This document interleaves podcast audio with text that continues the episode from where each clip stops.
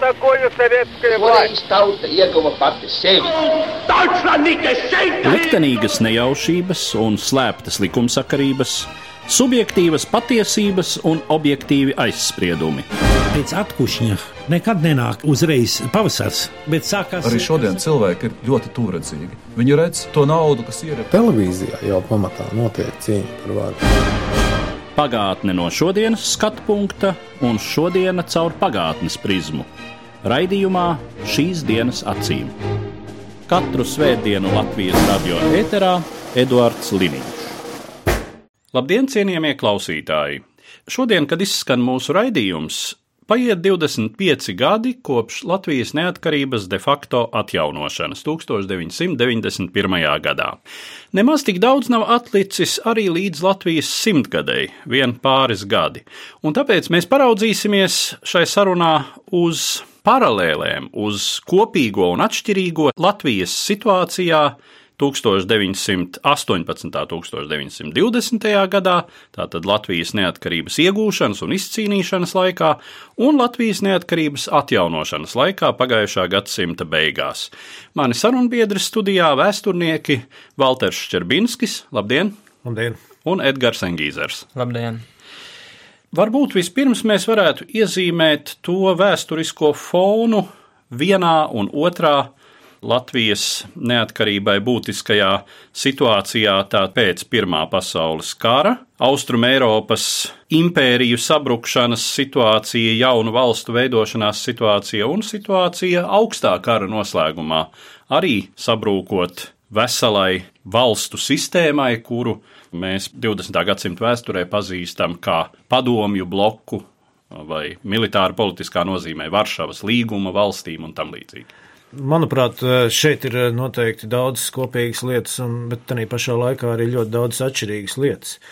Es domāju, ka mums jāskatās uz vēsturi kā uz tādu upi, kurā nevar divreiz iekāpt. Un analoģisku situāciju mēs nevaram atrast, bet tā pašā laikā kaut kādas līdzīgas iezīmes mēs noteikti varam saskatīt. Nu, tas kopīgais, acīm redzot, ir saistīts ar to, ka sabrūk kādas lielas impērijas. Un Pirmā pasaules kara gadījumā sabrūk Austro-Ungārija sabrūk, Osmaņu impērija sabrūk, Krievijas impērija, un uh, Latvija, kad atgūst neatkarību, mēs uh, redzam, ka būtībā tas notiek lielā mērā pateicoties tam, ka sabrūk Padomu Savienība un sabrūk šī bipolārā pasaules sistēma. No otras puses, vienmēr šādos procesos ļoti nozīmīgs ir ne tikai šis kontekstuālais faktors, bet arī tāds, varētu teikt, iekšpolitiskais faktors faktors, kas ir saistīts ar pašu sabiedrību. Jo nevienmēr sabiedrība ir gatava un nevienmēr sabiedrība vēlās iegūt neatkarību vai pārveidot valsts šādā vai tādā virzienā. Un 18. gadā Latvijas, 19. gadā Latvijas sabiedrība bija tam gatava, ļoti konsekventi gāja šo mērķi, un līdzīgi tas bija arī neatkarības atgūšanas procesā. Līdz ar to šeit ir kaut kādas līdzības, bet arī pašā laikā cilvēkiem, kas veidoja Latvijas neatkarību, bija savādāka pieredze, un, un pavisam savādāka pieredze bija, teiksim, mums, kas bijām izauguši padomju okupācijas apstākļos. ASV, PSRS pretnostatījumu pasaulē. Līdz ar to ir kopīgas un ir atšķirīgas iezīmes. Es domāju, ka lielākā atšķirība varētu būt, runājot par kontekstu, tas, ka pēc Pirmā pasaules kara šīs visas impērijas Eiropā bija sabrukušas gan Vācija, gan Ceriskā Krievija, kas uz mums vairāk atstāja iespēju nekā pārējās divas minētās. Un līdz ar to pēckara drupu stāvoklis, šis arī varas vakums, kas veidojās vienā momentā, bija tas galvenais ģeopolitiskais konteksts, kāpēc Latvijas valstu varēja proklamēt tieši tad, kad viņi proklamēja. Un tajā pašā laikā var redzēt, ka uz šīm drupām veidojošies poli, tā skaitā padomi Krievija, kas ļoti ātri centās nodibināt savu varu bijušās Krievijas impērijas teritorijā, un sākās arī Latvijas brīvības cīņas, kas, protams, nav tikai Latvijas brīvības cīņas, bet nu, visas šīs starpimpēriju zonas, militārā konflikta veidošanās un eskalācija. Savukārt, augstākā ar beigās Padomju Savienība bija brūkoša, bet viņi vēl ķeparojās. Un līdz ar to šis konteksts, manuprāt, arī varētu būt šīs, šīs lielākās atšķirības. Jo mēs redzam, ka Padomu Savienība, kad viņa sabrūk 92. gadā tikai, un Latvija jau ir neatkarīga, Baltijas valsts jau ir neatkarīga, pat pārējās padomu republikas jau ir iegūšas neatkarību sākot ar pašu Krieviju.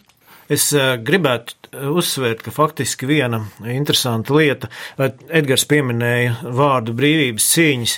Es teiksim, nepiekrītu tam, ka ar, ar šo jēdzienu tiek apzīmēta kardarbība 19. un 20. gadā, jo manā izpratnē tas bija neatkarības karš. Un uh, brīvības cīņas mēs varētu attiecināt uz neatkarības atgūšanas procesu. Mēs nebijām brīvi, mēs dzīvojām totalitārā sistēmā, un tur tiešām mēs varam runāt par, teiksim, garīgu brīvību. Bet es domāju, ka tas ir lielā mērā tas, kas dod zinām robežšķietni starp abiem gadījumiem.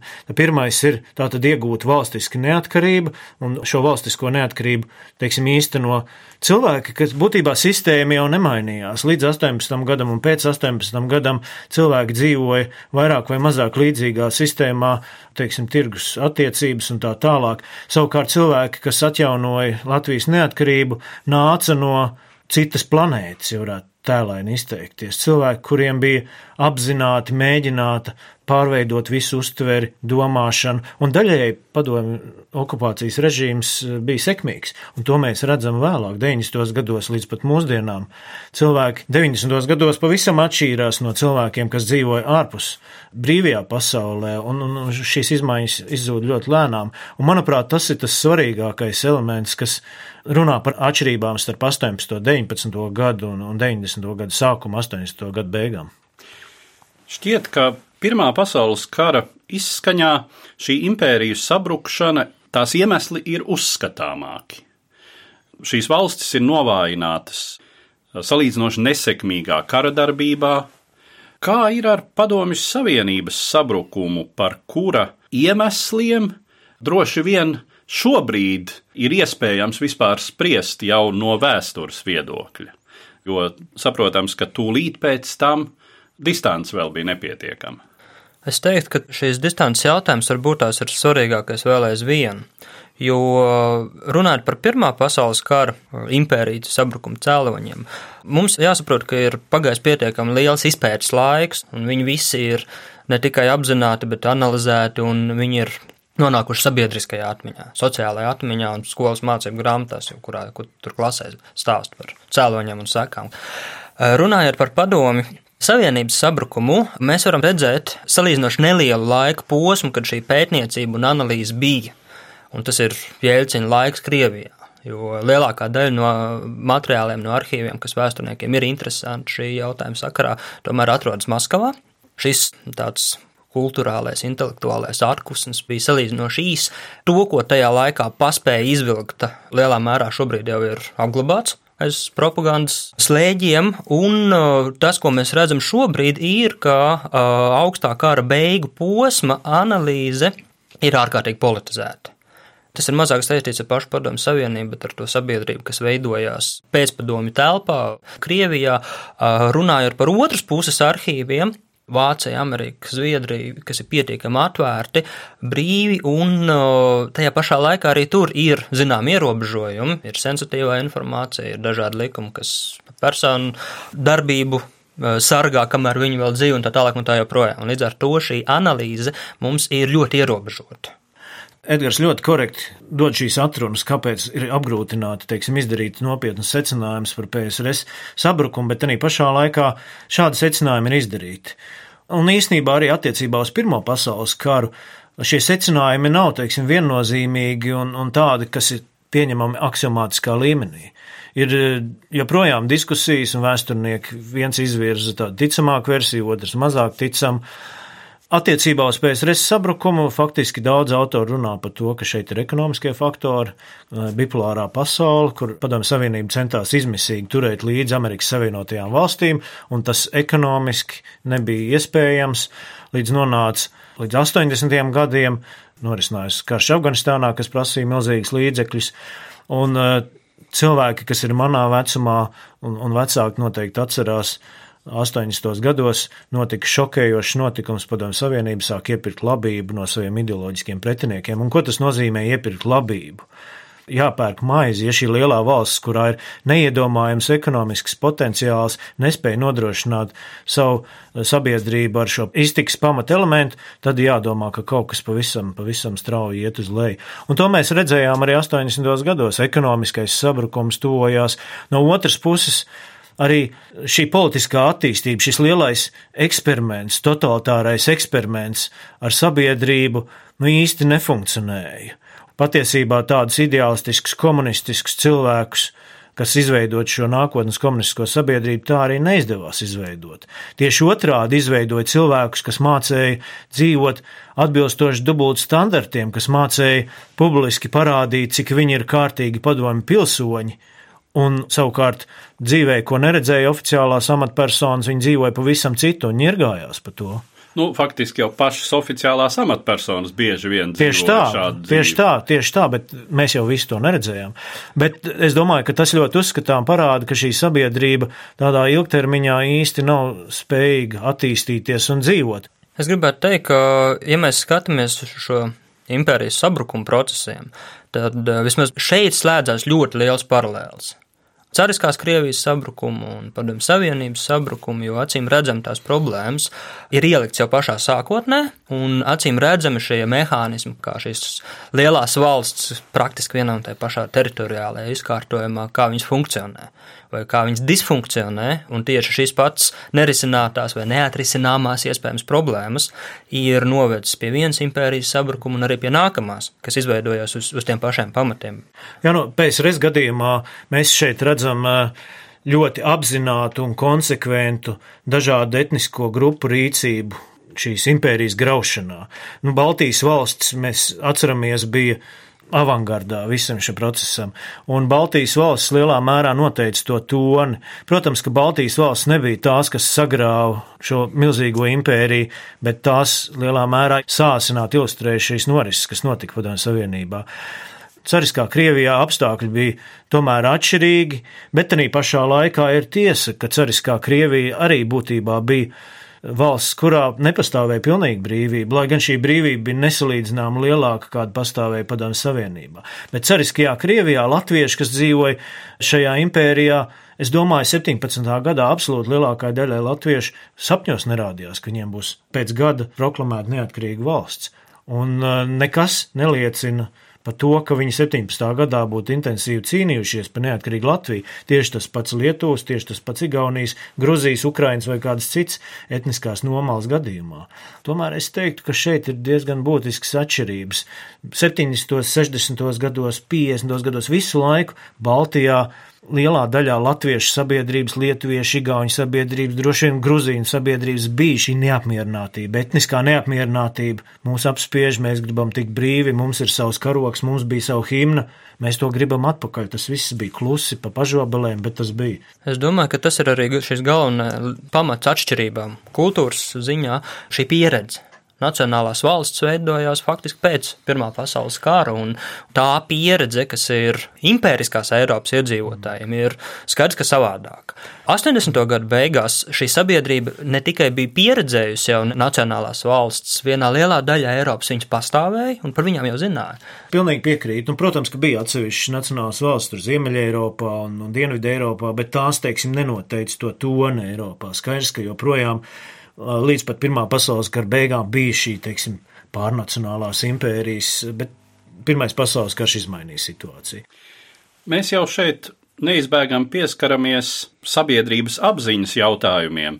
Kā tad sevi identificēja, kā sevi uztvēra latvieši Pirmā pasaules kara izskaņā un augstajam karam gal galā noslēdzoties, bet Kā ir ar šo nāciju suverenitātes tiesību uztvēri pārējā pasaulē?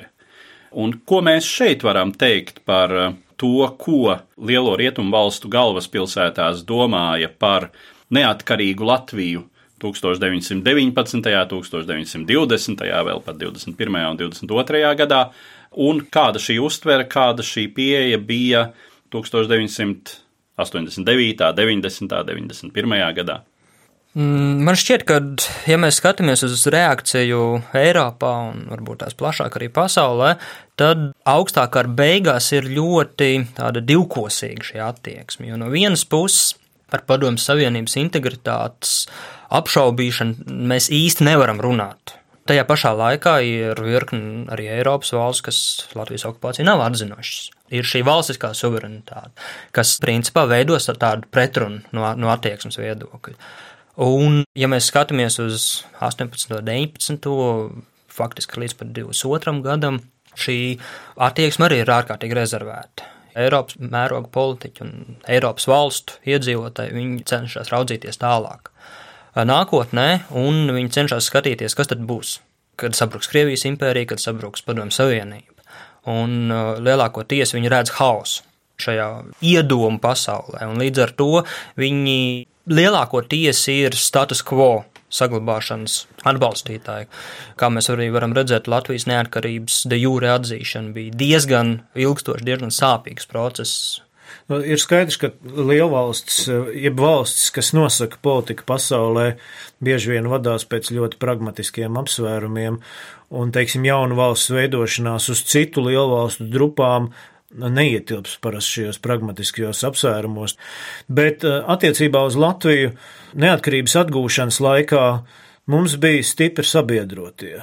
Un mēs nevaram, protams, visas lietas ārpolitikā fokusēt tikai uz šo pragmatisko, reālu politisko pieeju. Daudzām valstīm ir ļoti izteikts arī šis ideālisms politikā, un, un pirmkārt, es gribētu minēt Amerikas Savienotās valstis, kuras konsekventi uzturēja Baltijas valstu tiesisko kontinuitāti.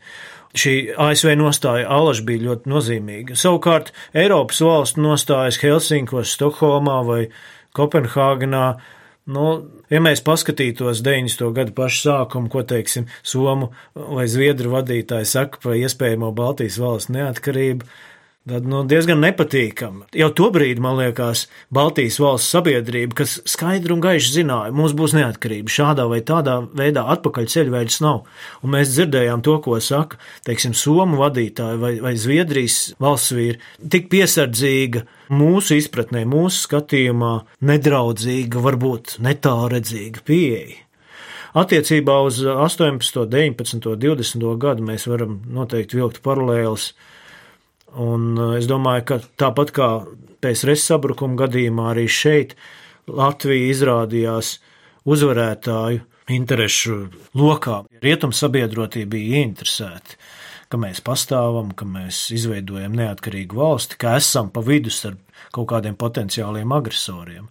Un līdz ar to sakrita šī reāla politiskā puse, un, zināmā mērā, arī Vudro Vilsons ar saviem pašnoteikšanās principiem tieši īstajā laikā, īstajā vietā nāca klajā, un to šīm jaunajām valstīm, taiskaitā Latvijai, bija iespējams izmantot kā tādu ideisku pamatu valsts veidošanai. Jā, bet droši vien tas ir jāsaprot, ka ne tikai pareizi deklarēti principi, un no otras puses ne tikai pragmātiskas intereses. Tādā sarežģītā procesā kā jaunas valsts veidošanās un arī pēc ļoti salīdzinoši ilga pārtraukuma šīs valsts suverenitātes atjaunošana, tas neizbēgami ir šo divu elementu kokteils. Jā, pilnīgi noteikti. Mēs varam redzēt, ka iztrūkstot kādam no šiem elementiem, patiesībā neatkarība nenotiek. Un uzskatāms piemērs ir Gruzijas Demokrātiskā republika, kas izveidojās tieši tādā pašā veidā kā Latvija, Igaunija, Lietuva, Somija un Polija pēc Pirmā pasaules kara. Gruzija pie tam bija pirmā sociāldemokrātiskā valsts pasaulē. Valsts bija absolūti demokrātiska ar demokrātiskiem mērķiem, un tā pašā laikā šķita, ka nu, lieliniekiem jau nu nevajadzētu pirmām kārtām uzbrukt Gruzijai, kas ir, teiksim, kaut kur sociālistiska valsts. Bet lielnieki uzbruka, iekaroja, starptautiskā sabiedrība negāja palīgā, un viss, neraugoties uz to, ka Grūzijas sabiedrība bija gatava neatkarīgai valstī, tā bija proklamēta, jau kontrolēja vairāk vai mazāk savus robežas pasaule nenoreaģēja tā, kā tai vajadzētu, varbūt, lai aizstāvētu Grūzijas intereses. Grūzija okupēja, un pēc desmit gadiem viss bija aizmirsuši par to, ka pastāvēja tāda neatkarīga Grūzija. Es teiktu, te ļoti daudz ko nosaka arī geogrāfija. Gan augstākā kara beigas, un vispār visā augstais karš ir vairāk ideoloģisks konflikts, mazāk pragmatisks. Mēs skatāmies šo pretstāvēšanu starp Ameriku un Padomu Savienību, jo sevišķi. Tajā pašā laikā mēs drusku aizmirstam to, ka arī konflikti pēc Pirmā pasaules kara un pirmkārt jau Krievijas pilsoņu karš ir nemazāk ideoloģisks. Un uh, Eiropas valsts, arī Amerikas Savienotās valsts, ārkārtīgi lielu uzsvaru liek uz komunismu apkarošanu. Gan intervences ceļā, gan atbalstot šīs neatkarības kustības, neatkarīgās jaunās valsts, veidojot šo buferzonu nosacīto starp demokrātiskās Eiropas perifēriju ar padomu Krieviju, padomu Savienību.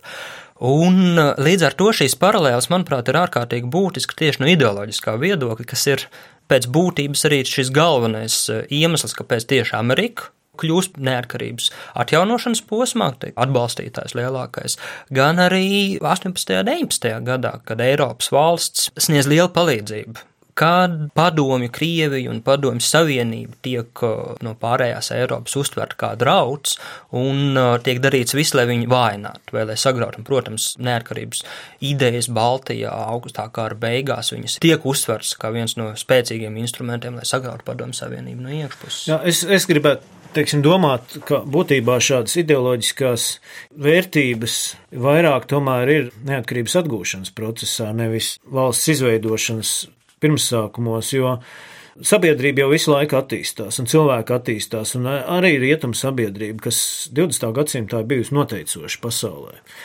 Un uh, rietumu sabiedrība 60. gados pēc otrā pasaules kara pārdzīvoja būtiskas izmaiņas cilvēkiem sākās apjausma par to, ka līdzās materiālām vērtībām pastāv arī ļoti daudz tādas nemateriālas vērtības, par kurām ir vērts ļoti nikni cīnīties, un radās, teiksim, feminisma kustības, tas ir sieviešu, vīriešu līdztiesības jautājumi, ekoloģisms, dabas aizsardzība no dažādiem aspektiem un tā tālāk un tā joprojām. Gal galā vārda brīvība mūsdienu izpratnē īstenojumu gūst tikai pagājušā gadsimta 60. un 70. Jā, jā, tieši gados. tā, nu atcerēsimies arī politiskās tiesības visā pasaulē, un līdz ar to šie jautājumi kļūst ārkārtīgi svarīgi, runājot arī par cilvēkiem, kas atrodas apspiestībā. Ir daudzas organizācijas, kas ietekmē valdības, un valdības, teiksim, pakļaujās šim spiedienam un arī sāk īstenot politiku, kas atbilst šim postmateriālam lietu uzstādījumam. Katram mājās jau ir leduskapis un televizors. Tas ir tas minimums, kas viņiem ir, un tagad mēs varam cīnīties arī par tādām garīgākām vērtībām. Pēc Pirmā pasaules kara šādi noskaņojumi sabiedrībā nevaldīja joprojām diezgan izteikta, diezgan pat cīniska brīžiem bija politika, kas faktiski nāca no 19. gadsimta, un, un šeit mēs varam redzēt diezgan būtiskas atšķirības.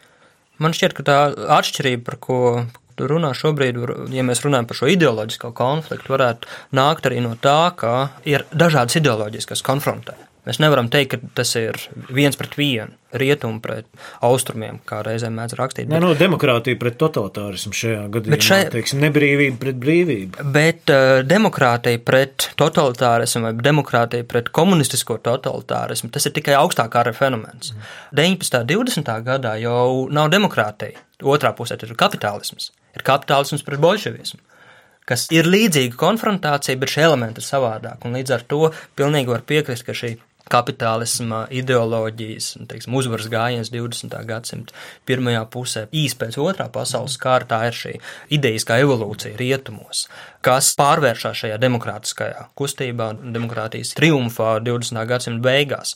Līdz ar to ir šīs atšķirības arī, arī vērtībās, kuras konfrontē. Bet tajā pašā laikā ir ļoti skaidrs, ka padomīsms vai, vai komunisms 80. gada beigās tiek uztverts tieši tāds pats apdraudējums, kā viņš bija 20. gadā. Pretēja vērtību sistēma rietumu vērtību sistēmai, un viņas abas mainās, protams. Gan arī 70 nu, tikai ir... tādā 20. gadā vēl nevienam nebija nekāda priekšstata par to, par ko šis monstrs izveidosies. 89. gadā bija ļoti labs priekšstats. Tiesa gan tas nepalīdzēja, teiksim, sovietoloģijai, politoloģijas apakšnozarei prognozēt, kad tad beidzot sabruks. Tas arī neviens nezināja. Vesels bars ar sovietologiem saņēma lielas algas Amerikas augstskolās, un neviens neparedzēja to, kas notiks ar Padomu Savienību. Tomēr sabiedrība bija diezgan labi informēta par to, kas notiek, kā notiek, tur disidenti, koncentrācijas nometnes un tā tālāk, un Staļins un Hruščovs. 20. gadā neko no tā nezināja, zināja tikai saukļus. kas dažiem Un kas labiem bija skaisti? Kas bija da daudziem skaisti, teiksim, dažādi kreisie amerikāņi no Rietumē Eiropas ceļoja un apbrīnoja padomu Krieviju. Jo, nu, gluži vienkārši režīma sākums un režīma beigas. Tu ļoti labi pieminēji šos kreisos amerikāņus 20. gadā. Tāda paša bija arī 80. un pat vēl 90. gadā. Un, un man liekas, ka tā var būt. Tā ir slimība, kas nav izārstējama dažreiz. Un varbūt tā gan ideoloģiskā, politiskā nokrāsa vai nostāja ir viens elements, bet tas, ko es gribētu vēl akcentēt, ir, ka, ka šīs valsts atjaunošana tieši tāpatās kā valsts proklamēšana, valsts dibināšana pēc būtības izriet tieši no kultūras attīstības. Jo 19. gadsimta beigas, 20. gadsimta sākums kā kultūras atmodu, kas vēlāk novada pie politiskām prasībām, un mēs varbūt tās drusku pa maz novērtējam arī šo intelektuālo un kultūras atmodu pirms politiskajām prasībām 80. gados. Tā varētu būt tā paralēla, kad soli pa solim attīstība, ka uzreiz nevar politiskās prasības tikt realizētas, ka ir, ir šīs nobriedināšanas periods visai sabiedrībai, jo Tieši tāpatās kā 17. gadā, arī 77. gadā Latviešu, Latvijas sabiedrība un Latviešu sabiedrība jau lielākoties bija konjunktūristiska. Nu, es negribētu tam piekrist. Es gribētu teikt, ka sabiedrība vienmēr ir teiksim, tas konjunktūras elements, jebkurā sabiedrībā. Tieši tāpēc. Ir un šodien tieši tas pats ir, un to mēs varam redzēt, paskatāmies apkārt, nemaz nav tālu jāskatās, mēs redzam, bet es liektos teikt, ka tas ir cilvēka dabā. Ja mēs runājam par neatkarības prasībām no latviešu puses, es nedomāju, ka tas būtu tik daudz padomju okupācijas laikā saistīts ar konjunktūru. Es nesauktu to par konjunktūru. Es teiktu, tā ir piemērošanās un gaidīšana, īstā brīža gaidīšana. Un uh, 60. un 70. gados, nu, ja mēs paskatāmies vēsturiski, nu, mums disidentisms nebija tāda ļoti izplatīta lieta, bet beidzās partizānu karš pēc kara. Mēs ik pa laikam varam konstatēt, skatot kaut kādas čekas lietas, tur izkar karogu, tur izkar karogu. Kad es biju mazs puika, dzīvoju Grīziņkalnā, es gāju bieži vien uz Zemitānu, toreiz Oškālu dzelzceļa staciju. Es atceros, tur kaut kādu 80. gadu sākumā bija kāds bija uzrakstījis izbeigt okupāciju Krievijas ārā tāds sauklis, ja?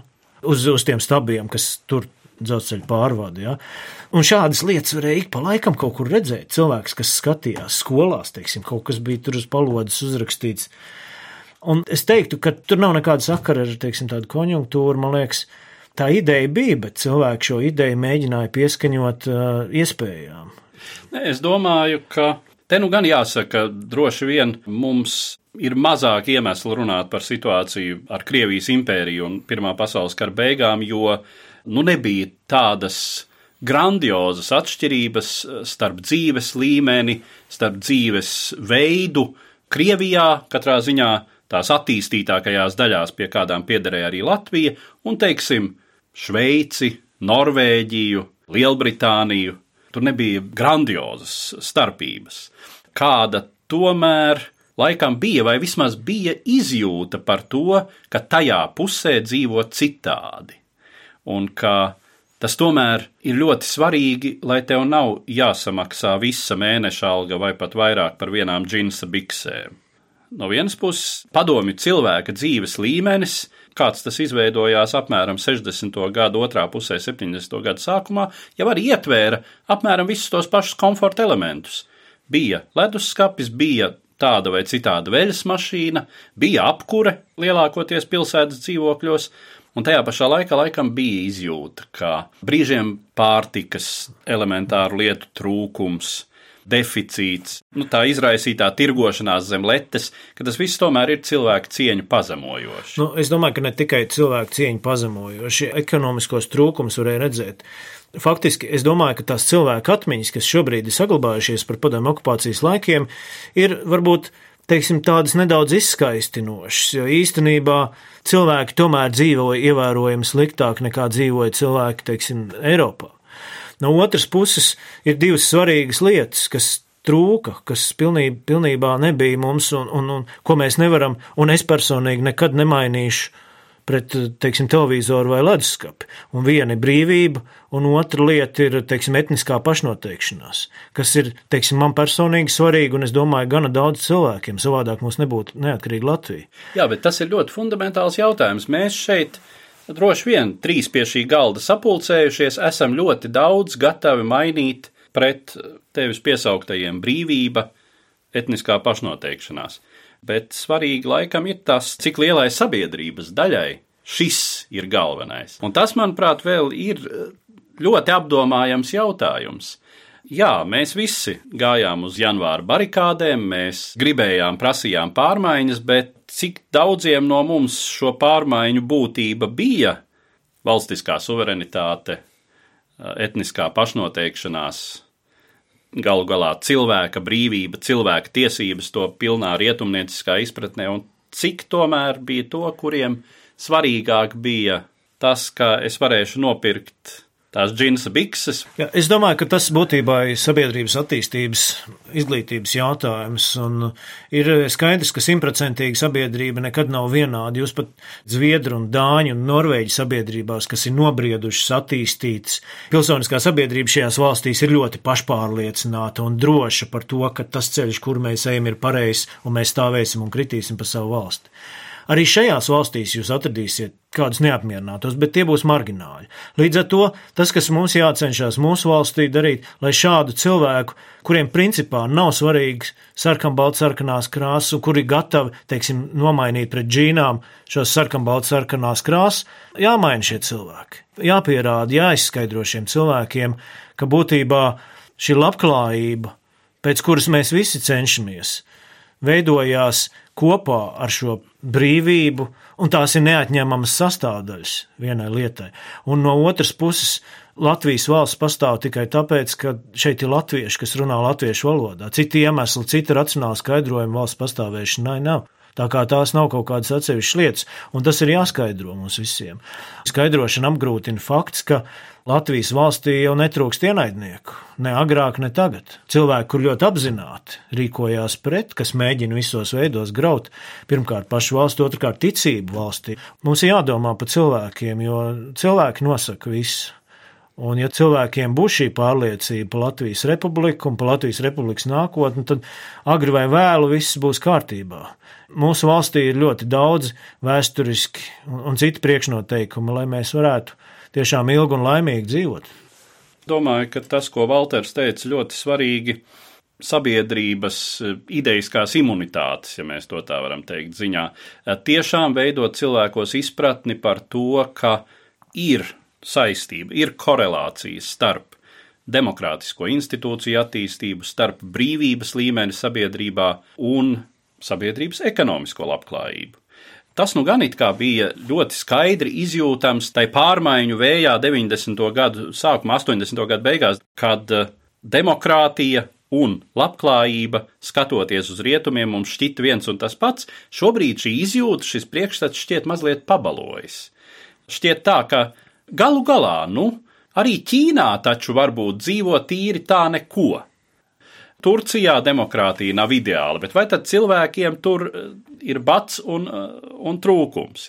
Nu, nerunājot par Krieviju, kas eh, daudziem jau te tēlojās brīžiem kā laimes un pārticības zeme, nu gandrīz vai jau, jau var sākt runāt šeit par paralēlēm ar naivajiem rietumniekiem un padomju paradīzi 20. un 30. gados. Tuvinot mūsu sarunu noslēgumam, ja mēs konspektīvi un īsi novērtējam pirmās neatkarības laika pieredzi, tātad pagājušā gadsimta 20. un 30. gadi, to, kā valsts tika būvēta, kā arī tā pati ekonomiskā labklājība pēc kara diezgan izpostītajā Latvijā tika panākta, un to, ko mēs esam nodzīvojuši tagad, šos 25 gadus, viens, ko uzreiz var teikt, nu vismaz chronoloģiskā ziņā atjaunotā Latvija jau ir nodzīvojusi ilgāk nekā pirmā posma neatkarīgā Latvija. Es teiktu, ka varbūt tās nemazāk svarīgi ir tas, ka demokrātiskā Latvija atjaunotā ir nodzīvojusi krietni ilgāk nekā demokrātiskā Latvija pēc 18. gada. Kas varbūt tās ir tās lielākā atšķirība, ja mēs skatāmies paralēlēm uz visu posmu no 18. līdz 40. Es domāju, ka būtībā tas satricinājums nebija tik liels, kad 18. vai 19. gadā izveidoja neatkarīgu Latviju. Ir skaidrs, ka lielākā daļa sabiedrības nebija domājis par to iepriekš, bet tas nāca kā tāds kādai daļai cilvēku pārsteigums, kam sākumā varbūt līdz galam neticēja, bet ļoti ātri to pieņēma par savu un stāvēja un krita. Bet tā pašā laikā šīs cilvēku attiecības, sociālās attiecības, saimnieciskās attiecības, kas veido cilvēku dzīvi, mēs jau iepriekš runājām, nemainījās. Tas pats brīvais tirgus, kas pastāvēja līdz tam, tas pastāvēja arī vēlāk, īpašuma tiesības nemainījās un tā tālāk. 80. gadu beigās, 90. gadu sākumā viss ļoti radikāli mainījās. Mainījās īpašuma tiesības, nepiederēja vairs teiksim, nekas kaut kādai mistiskai tautai vai valstī, bet piederēja konkrētiem cilvēkiem. Tika uzsākta teiksim, uzņēmēja darbība, tirgus apstākļos, vienam veicās, citam neveicās. Cilvēku attiecības mainījās un sāka piemēroties normāliem apstākļiem, kādos dzīvo visa pasaule. Līdz ar to šeit teiksim, izveidojās ļoti liels atšķirības, un, un šīs sabiedrības ir atšķirīgas, stipri atšķirīgas. Bet es domāju, ka tomēr tie 25 gadi manā uzskatā, un es esmu vēsturnieks, un Edgars ir vēsturnieks, un mums 25 gadi nav nekas daudz, tas ir tiešām mazs periods. Individuāli, kad cilvēks nodzīvo 25 gados, viņš parasti pabeidz jau augstskolu. Viņa dzīvē ir teiksim, paveikts kaut kas liels, bet teiksim, tādā cilvēces vēsturē vai Latvijas vēsturē nu, tas nav nekas daudz. Tā ir viena paudze, varbūt kas ir izaugusi un, un, un pabeigusi šo augstskolu. Un rezultātā šīs pārmaiņas, kādas notiek, visu laiku notiek Latvijā, un notiek uz labu šīs pārmaiņas, acīm redzami uz labu. Ja kāds negrib to atzīt, nu tad to viņš dara apzināti, jo šīs daudzās labās pārmaiņas Latvijā notiek, bet tam vajadzīgs laiks, iespējams divas paudzes. Iespējams, es neredzēšu šo pārmaiņu labākos rezultātus, bet viss jau notiek procesā un attīstās. Tā kā es gribu būt, un es esmu vienmēr bijis optimisms Latvijas lietās, un es pilnīgi noteikti redzu, ka daudzas lietas attīstās tā, kā tām jāattīstās valsts stiprināšanas un labklājības virzienā, un savā ziņā tā notika arī 20. un 30. gados. Tas process bija savādāks, atšķirīgs. Es šajā procesā arī iekļautu 15. māju, Jo 15. maija notika, teiksim, tēlēni izsakoties viscaur pasaulē, un laikam jau šādas lietas arī jāpārslimo, jāpārdzīvo, lai sabiedrība iegūtu imunitāti varbūt pret dažādām lietām, bet 40. gads un no mums neatkarīgi apstākļi visu radikāli izmainīja. Nu, es ceru, ka tagad mēs būsim daudz gatavāki. Ja kaut kas tāds, ja briesmas būs, cilvēki būs gatavāki, un cilvēku vērtības skala būs skaidra un nepārprotama un tad jau nekas slikts nevar notikt ilgtermiņā. Es teiktu, ka svarīgākais varbūt tās arī, ko Valters pieminēja, ir šī paudze. Jo 40. gadā Latvijā vēl nebija paspējis nomainīties paudze. Tā, kas noteica visas lietas, un mēs redzam, ka Kārlis Ulmans ir pirmais Latvijas ministra prezidents un pēdējais Latvijas ministra prezidents. Roberts Dambīts ir Latvijas armijas dibinātājs un viņš ir Latvijas armijas likvidators. Mm. Tad šobrīd e, jau mēs esam pārkāpuši, mēs kāpjam pāri tam slieksnim, un mēs redzam, ka tie cilvēki, kas atjaunoja valsti, 80. gadu beigās, 90. gadu sākumā pakāpeniski, lēnām attiet no, no, no lemšanas, attiet no procesiem. Tu esi tāds, kas, ko es minēju, kas, teiksim, 90. gadu sākumā, kad tu esi dzimis? 85. 85. Nu tieši, apmēram jā. tā ir, jā. jā. Tieši neatkarības paudze. Jā, un. un Nesamaitāts cilvēks. Nu, atšķirībā no tevis, Valter, kurš padomu skolā vēl gāja. Bet uh, tas ir ārkārtīgi būtiski. Un runājot par 15. māju, es nebūtu tik iluzors, kā to var būt tās, jo mēs redzam, ka ne jau tikai Baltkrievijā šobrīd ir šīs ilūzijas par stingu roku. Tepatās Latvijā ir viena otra pilsēta, kurā režīms var būt. Ir pēc, krietns saimnieks. Kurā ir krietns saimnieks un, un pietiekami daudz cilvēki valkā šīs rožainās brilles, ka tas atrisinās visu priekš visiem, ne, nevis tikai priekš sevis. Bet es domāju, ka tieši šis pauģu nomaiņas jautājums ir, ir tās zāles, kuras tiešām nav 25 gadu efektivitātes, bet nu, krietni ilgākā laika posmā. Un tāpēc es saku, ka, manuprāt, lielākais sasniegums ir ne tikai šīs iekārtas atjaunošana vai, vai demokrātiskās, kapitalistiskās, liberāli domājošās, vispār intelektuālismu atjaunošana Latvijā kā tāda, bet tieši tas, ka mēs esam paspējuši eh, bez lieliem satricinājumiem šo ceļu aizvadīt pāri šim slieksnim, ka, un mēs mācāmies no pagātnē pieļautām kļūdām. Viņas, protams, neviens neatkārto mācītā, bet nu, ir, ir šīs lietas tieši tāpatās kā padomju savienības sabrukumam, ir paralēlas ar Krievijas sabrukumu. Un, un tas, ka mēs ej, ejam tālāk šo ceļu, man liekas, ir tas lielākais sasniegums. Tādiem secinājumiem tad es arī gribētu noslēgt šo mūsu šodienas sarunu. Un es saku paldies maniem sarunbiedriem, vēsturniekiem Walteram Ščerbinskim un Edgaram Engīzeram. Paldies, uz redzēšanos! Uz redzēšanos, vislabāk! Katru svētdienu Latvijas radio viens par pagātni sarunājas Eduards Liniņš.